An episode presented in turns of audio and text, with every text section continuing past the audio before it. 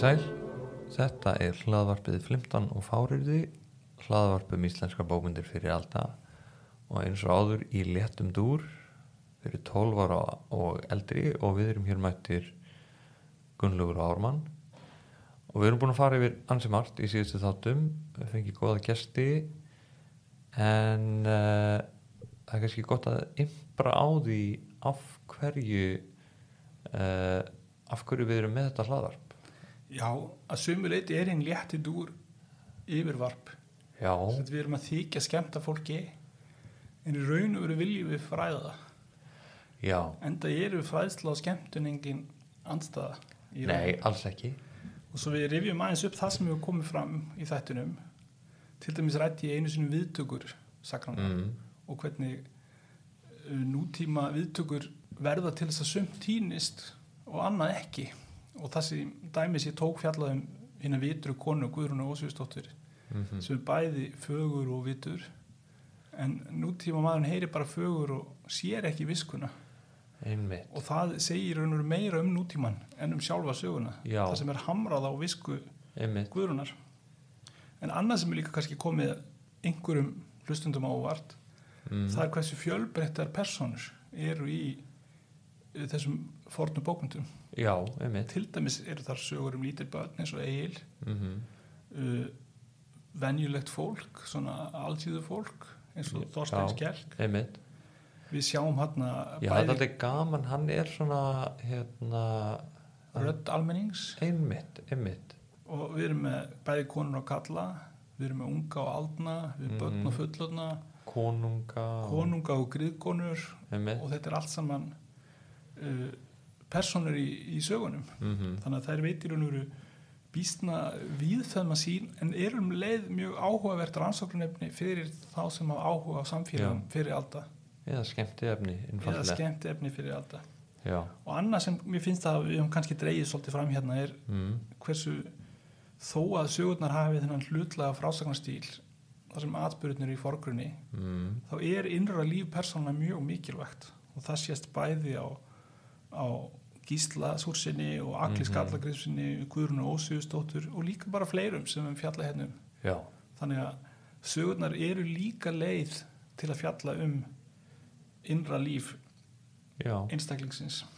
Og svo annað sem ég veit að kemur mörgum óvart í mm. sérstaklega því það er búið að lemja svolítið inn í fólk mm að fortsögurnar aðalega íslíkasögurnar séu raunsæjar bókmyndir já, einmitt og þá kemur svolítið óvart þáttunins yfirnáttúrulega.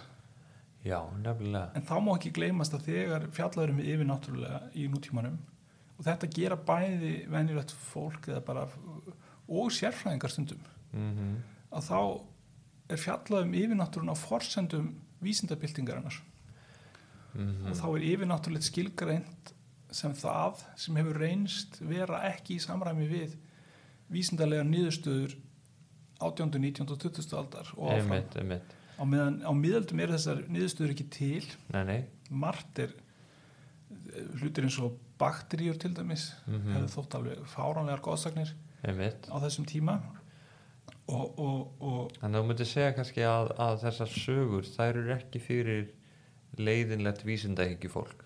ég, það sérst, ví, vísinda ekki fólk sem er ekki fært um að fara út fyrir ramman Einmitt, einmitt. myndi öruglega finnast margt pyrrandi og þreytandi og, og þetta er náttúrulega frekar lítið hópur hugsa ég já og þá mikla þetta þörf fyrir að hafa vit fyrir persónum sögnuna já, er þetta ekki svona fólki sem horfir á, ég veit ekki, Star Wars og Star Trek og segir eitthvað að það heyrist ekki hljóð út í geimnum.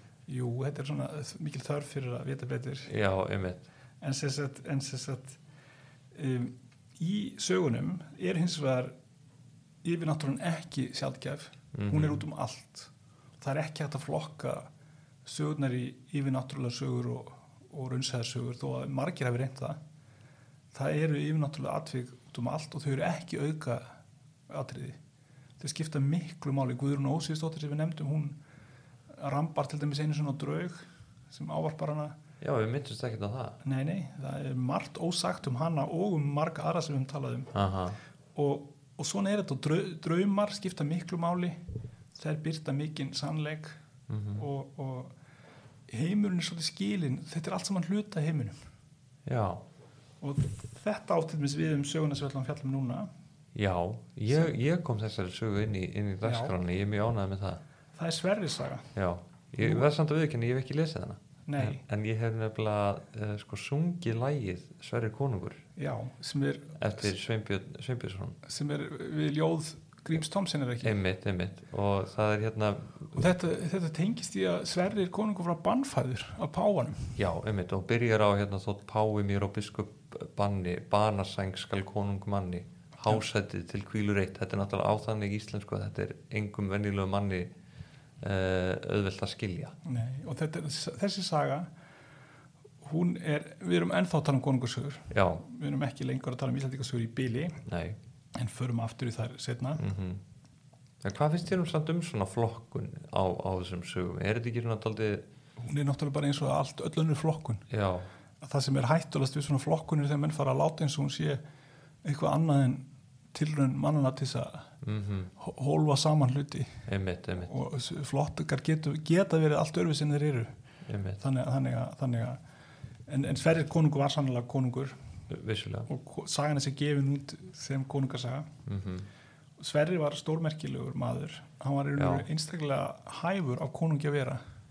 Já, en það er ekkit sjálfgefið að konungar séu hæfir stjórnundur, sérstaklega Nei. ekki erða konungstæmi nei, nei. Það sem bara sonur konungsins verður síðan konungur og Mhm. skiptir engum máli hvort hann er hæfur eða ekki. Sinir hans eru síðan daldið misefnaðir konungar en þeir koma líka lítið sögu. Sonur hans deyr svo snemma að það Já, já, kemst ok. ekki reynsla á því hvort hann er en sem sagt í Nóri hafði ríkt mikil óöld Mhm. áður en Sverrir kom sérstaklega senustu 50 árin. Mm og það var hálfgett borgarastríð og konungar eru ekki gamlir. Þeir voru yfirleitt repni fyrir 30 og, og Sverrir kemur inn í þetta og hann kemur frá Færiðum já, og er prestmentaður einmitt, einmitt hann, er, hann er til Já. brest það er mjög sérstætt að eini norski konungur sem Páin bannfærir mm er víður maður.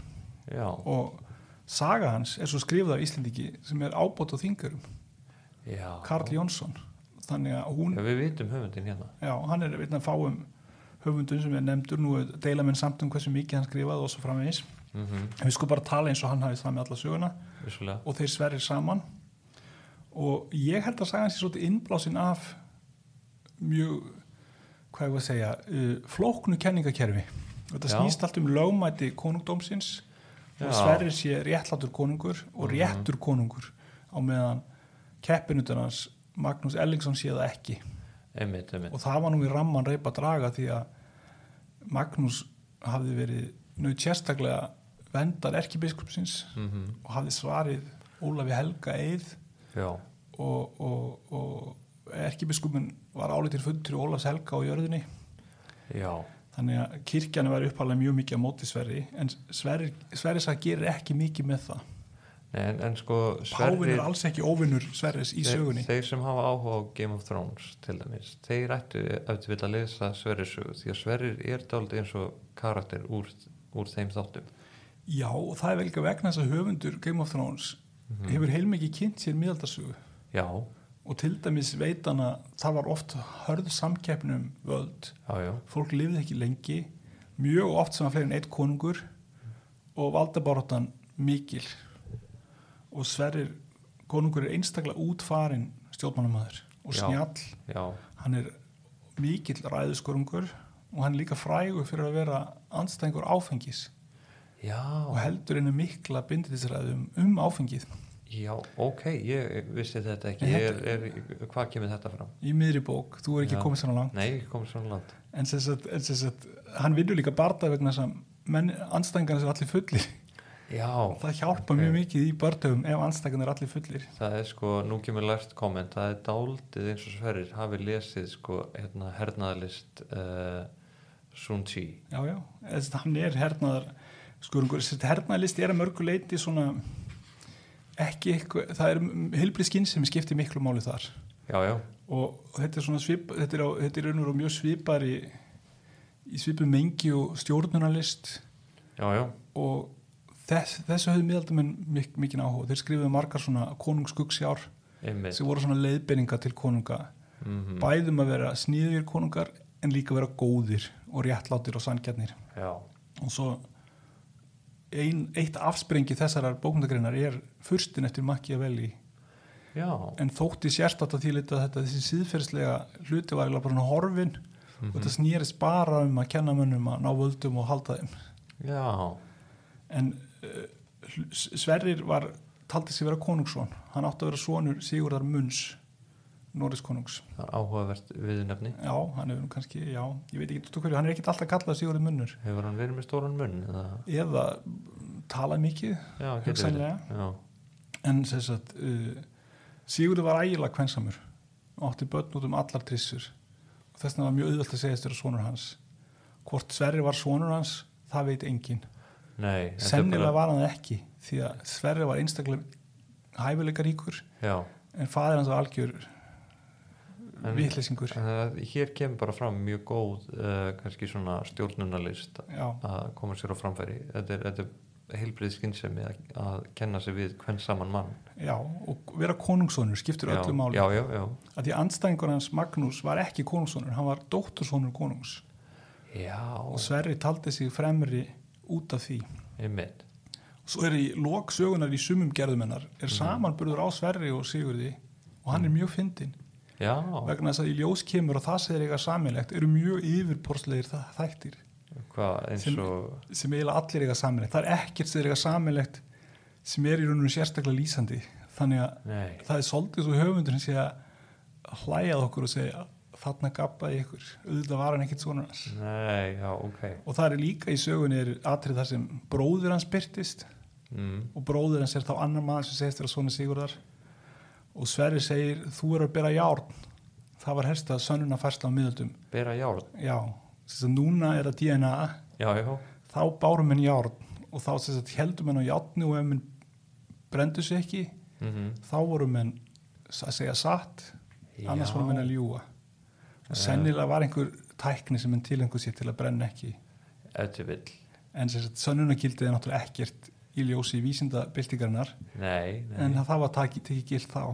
Já, en, það sem er, ég minn þetta er kannski bara daldið praktísk aðferð. En það sem er áhugavert við þetta er að Sverri segir þú skalt bera járn hitt í staðfestingar að þú sért sonur Sigurðar og bróðir minn. Mm og þá segir bróðirinn nýji ég skal bera járn fyrir sjálfa mig en ekki fyrir aðra. Uh, og þá meinar hann þó ég sé sonur Sigurðar þá er ekki endilega bróðið þinn en þú ert ekki sonur Sigurðar. Já, já, já, og það sem er fyndið við þetta er að saga Sverris sem Aha. hamrar á því hann sé sonur Sigurðar Aha.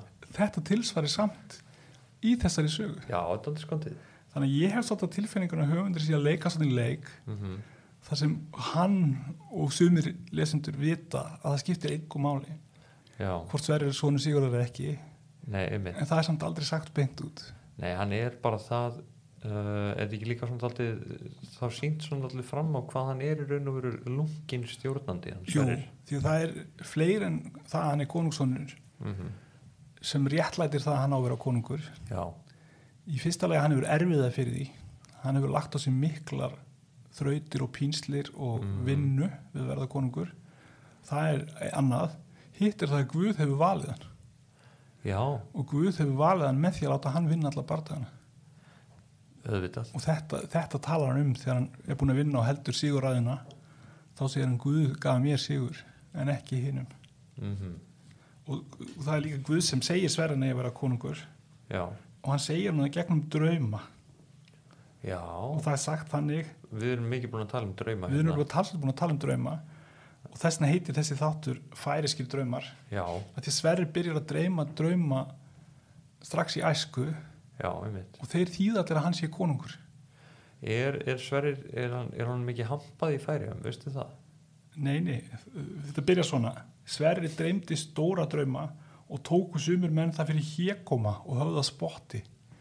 Já, fólk er að hlæja þessum draumans einmitt.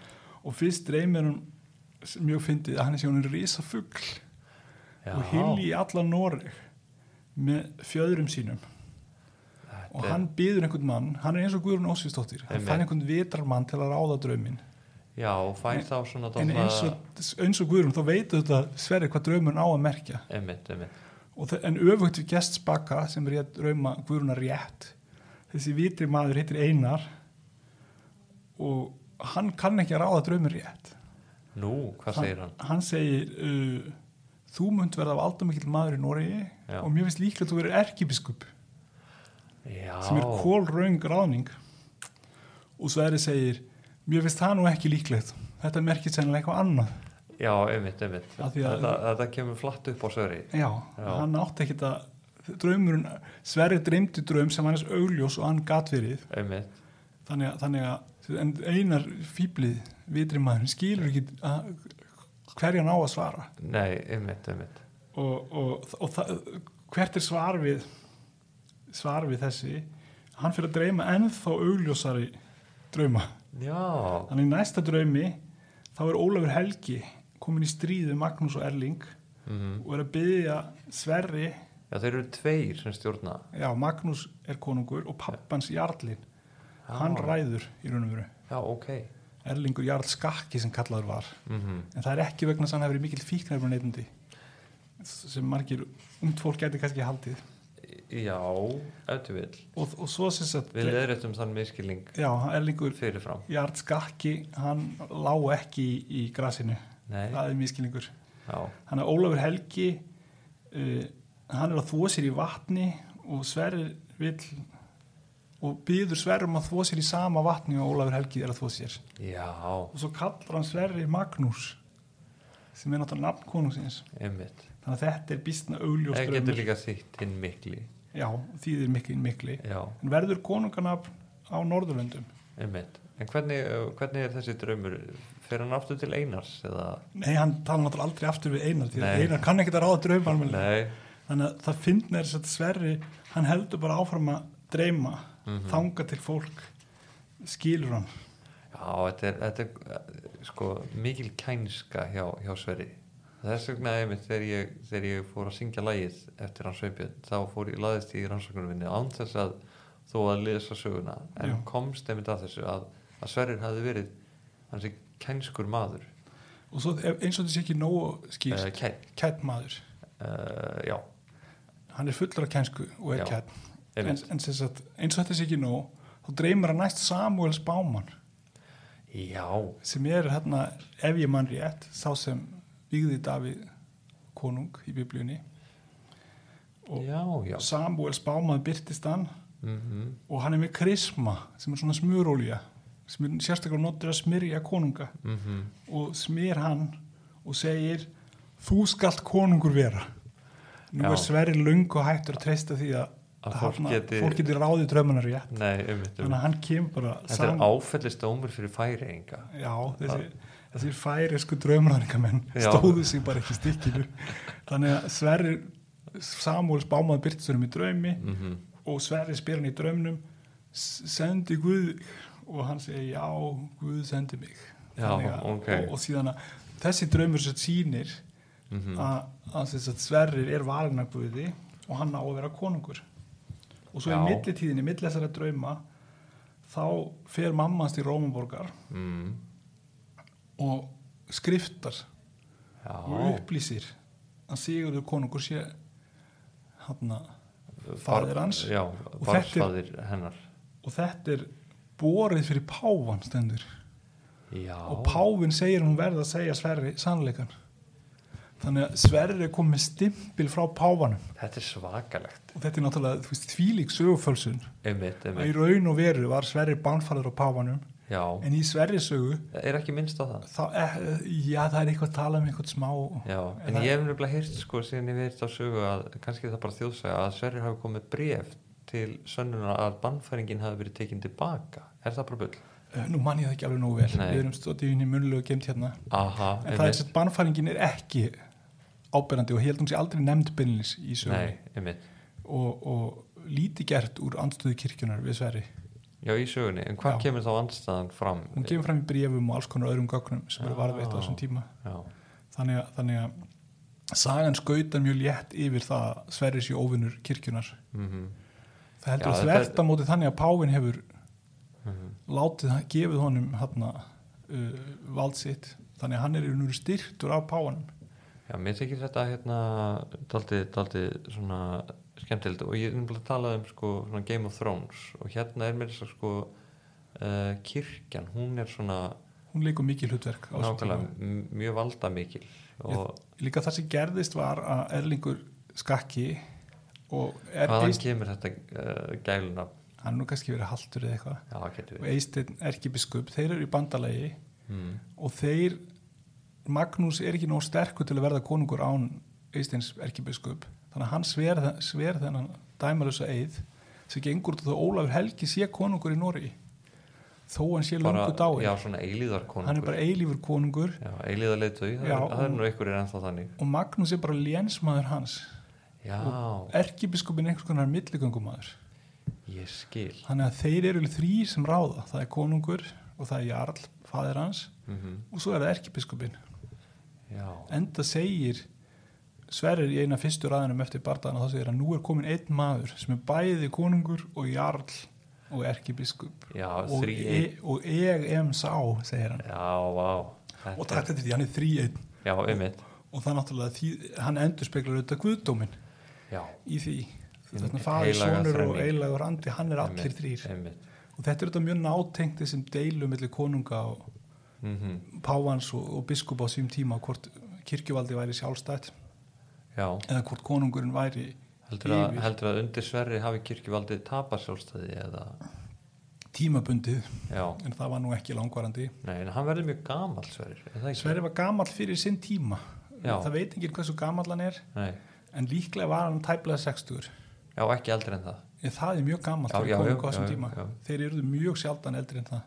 Og líka vegna þess að þeir voru alltaf í bardugum og orustum en svo bara lifðu þeir óhöllu lífi og áttu kannski ekkert græmeti og bara kjöt. nei, það einmitt, og- drukku mikið, Já. en vísu ekki sverir. Nei, og það konum alltaf með mikinn hjálpað. konum með mikinn bjúg. Já, konungar hafa ekki verið kannski mjög aðlaðandi menn svona undir já, það lokin. almennt séð hafa þarna, le- klerkar orðið eldri en konungar. Já, og það er bæði vegna þess að þeir taka minni þátt í stríðum. stríðum en svo líka vegna þess að þeir hafa sennilega bara borðað að meira hófi. Já, einmitt en sagt, Sverri verður tildulega gamall fyrir konung en svo deila þetta hvernig hann er fættur mm. þeir sem trúa hann sé fætt svonur Sigurðar konung, þeir vilja auðvitað hafa hann ungan já, að því að Sigurður hann eignast hann annarkvort 18 ára Mhm. eða kannski bara 11 ára Já. ef hann var víður á réttum tíma sem prestur Mhm. þá er konung, Sigurður konungur 18 11 ára og það virka, Já. virðist nú ekkit sérstaklega líklegt nei, þannig að margir hafa, hafa sagt og hann og þó konungar eru konungar, þeir Ég- geta, geta annað en, en allþýða manna þetta er svona allt saman hægt en, en ólíklegt myndi ég segja. Ólíklegt, já, þannig að, þannig að Sverrir ef hann var víður á réttum aldri sem er ekki víst. Þetta Nei. Var allt miklu losarlega þá en síðar. Þá er hann sem þetta valla sonur Sigurðar. Nei. Og það reyndar var breskur fræðumæður sem hér Catherine Hardy sem skrifaði bókum Sverri konung. Já, og kallaði hana held ég King Sverrir a royal impostor. Já. Konunglegur svikar eiginlega. Eh, falskonungur viðtökur hans eru, eru á þá leið. Já, það er svolítið fyndið þetta svona eins og síkur neykslin í tillirum já, einmitt, einmitt, að Sverrir hafi verið að seilast til einhver sem hann átti engan rétt á. Einmitt. en Sverrir, hérna, og þetta er náttúrulega stór hluti í Sverrir, hann er maðurinn sem hafi hæfileika til að vera konungur og svo stuttur að Guði ef sem sagt Guð stýður alltaf þann sem vinnur bardaðan Jú, það er, er svona nokkuð örugt að segja það bara. Og, og hérna en var ekkit endilega konungsson. Nei, en það finna auðvitað við það er að svo gerir Sverrir saga endalust grína öðrum sem þykjast vera konungsinnir já, það er mér eitt sem ka- kalla sig konungsson en í söguna sagt að hann hefur raun og veru danskur mm og heiti Þorgils Þúfi skítur það er svakalegt nafn það er ekki það sama að vera konungborin Við höfum ekki verið með þátt um, um sem sé gælnöfn og uppnefni á miðöldum. Það verður er setna. seinna. Já, ég held að við þurfum eiginlega að gera það. þannig að Sverri konungur, hann er ótrúlegur hæfileika maður, ótrúlega snjall maður þessar ræður hans eru reynasta snild Einmitt. og hann er hann er hugmyndafræðilega þengjandi þannig að hvergi eiginlega kemur hugmyndafræði konungsvalds, jafn skýrt fram og í Sverrisögu Sko, þegar ég las um, um Söri, þá, þá datt mér í rauninu að vera bara í hug einn mjög umdeldur maður. sem var hver? Um, við skulum hafa hann ónefndan hér, Já. en hann er enn á lífi já, og uh, er bladamaður, já, um, umdeldur stjórnmálamaður. já, en, en, en svona svipuð sko saga hvernig þeir báðir komast til valda. Nú get ég ekki ímynda með hverju sem maður er. Nei, en mér finnst samt líklegt að Sverrir sé meiri hugsuður en hann er vegna þess að það er alveg rosalega mikil hugsun í Sverrisögu og þetta er hlutaðinni frá ábótunum, Karli ábóta. Já, þetta verður svona samvinnu verkefni einmitt. En Sverrir held ég eigi mjög mikið það ef ræðunar eru rétt Mhm. hafðar eftir þá er auglust að hann hefur búið til þessa hugmyndafræði áður en sagan var samin. Já, en það er hérna í lók hérna, ljóðs uh, Gríms Thomsen sem er í læginu eftir Sveinbjörn Já.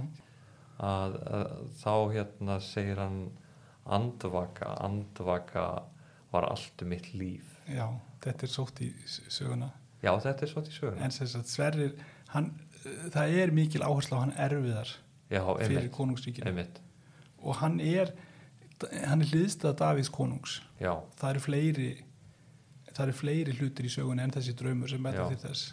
En það er þess að Davíð konungur var hjarðsveit já, sem varð konungur. Einmitt. Og þess vegna þykir þetta gott að minna á hann.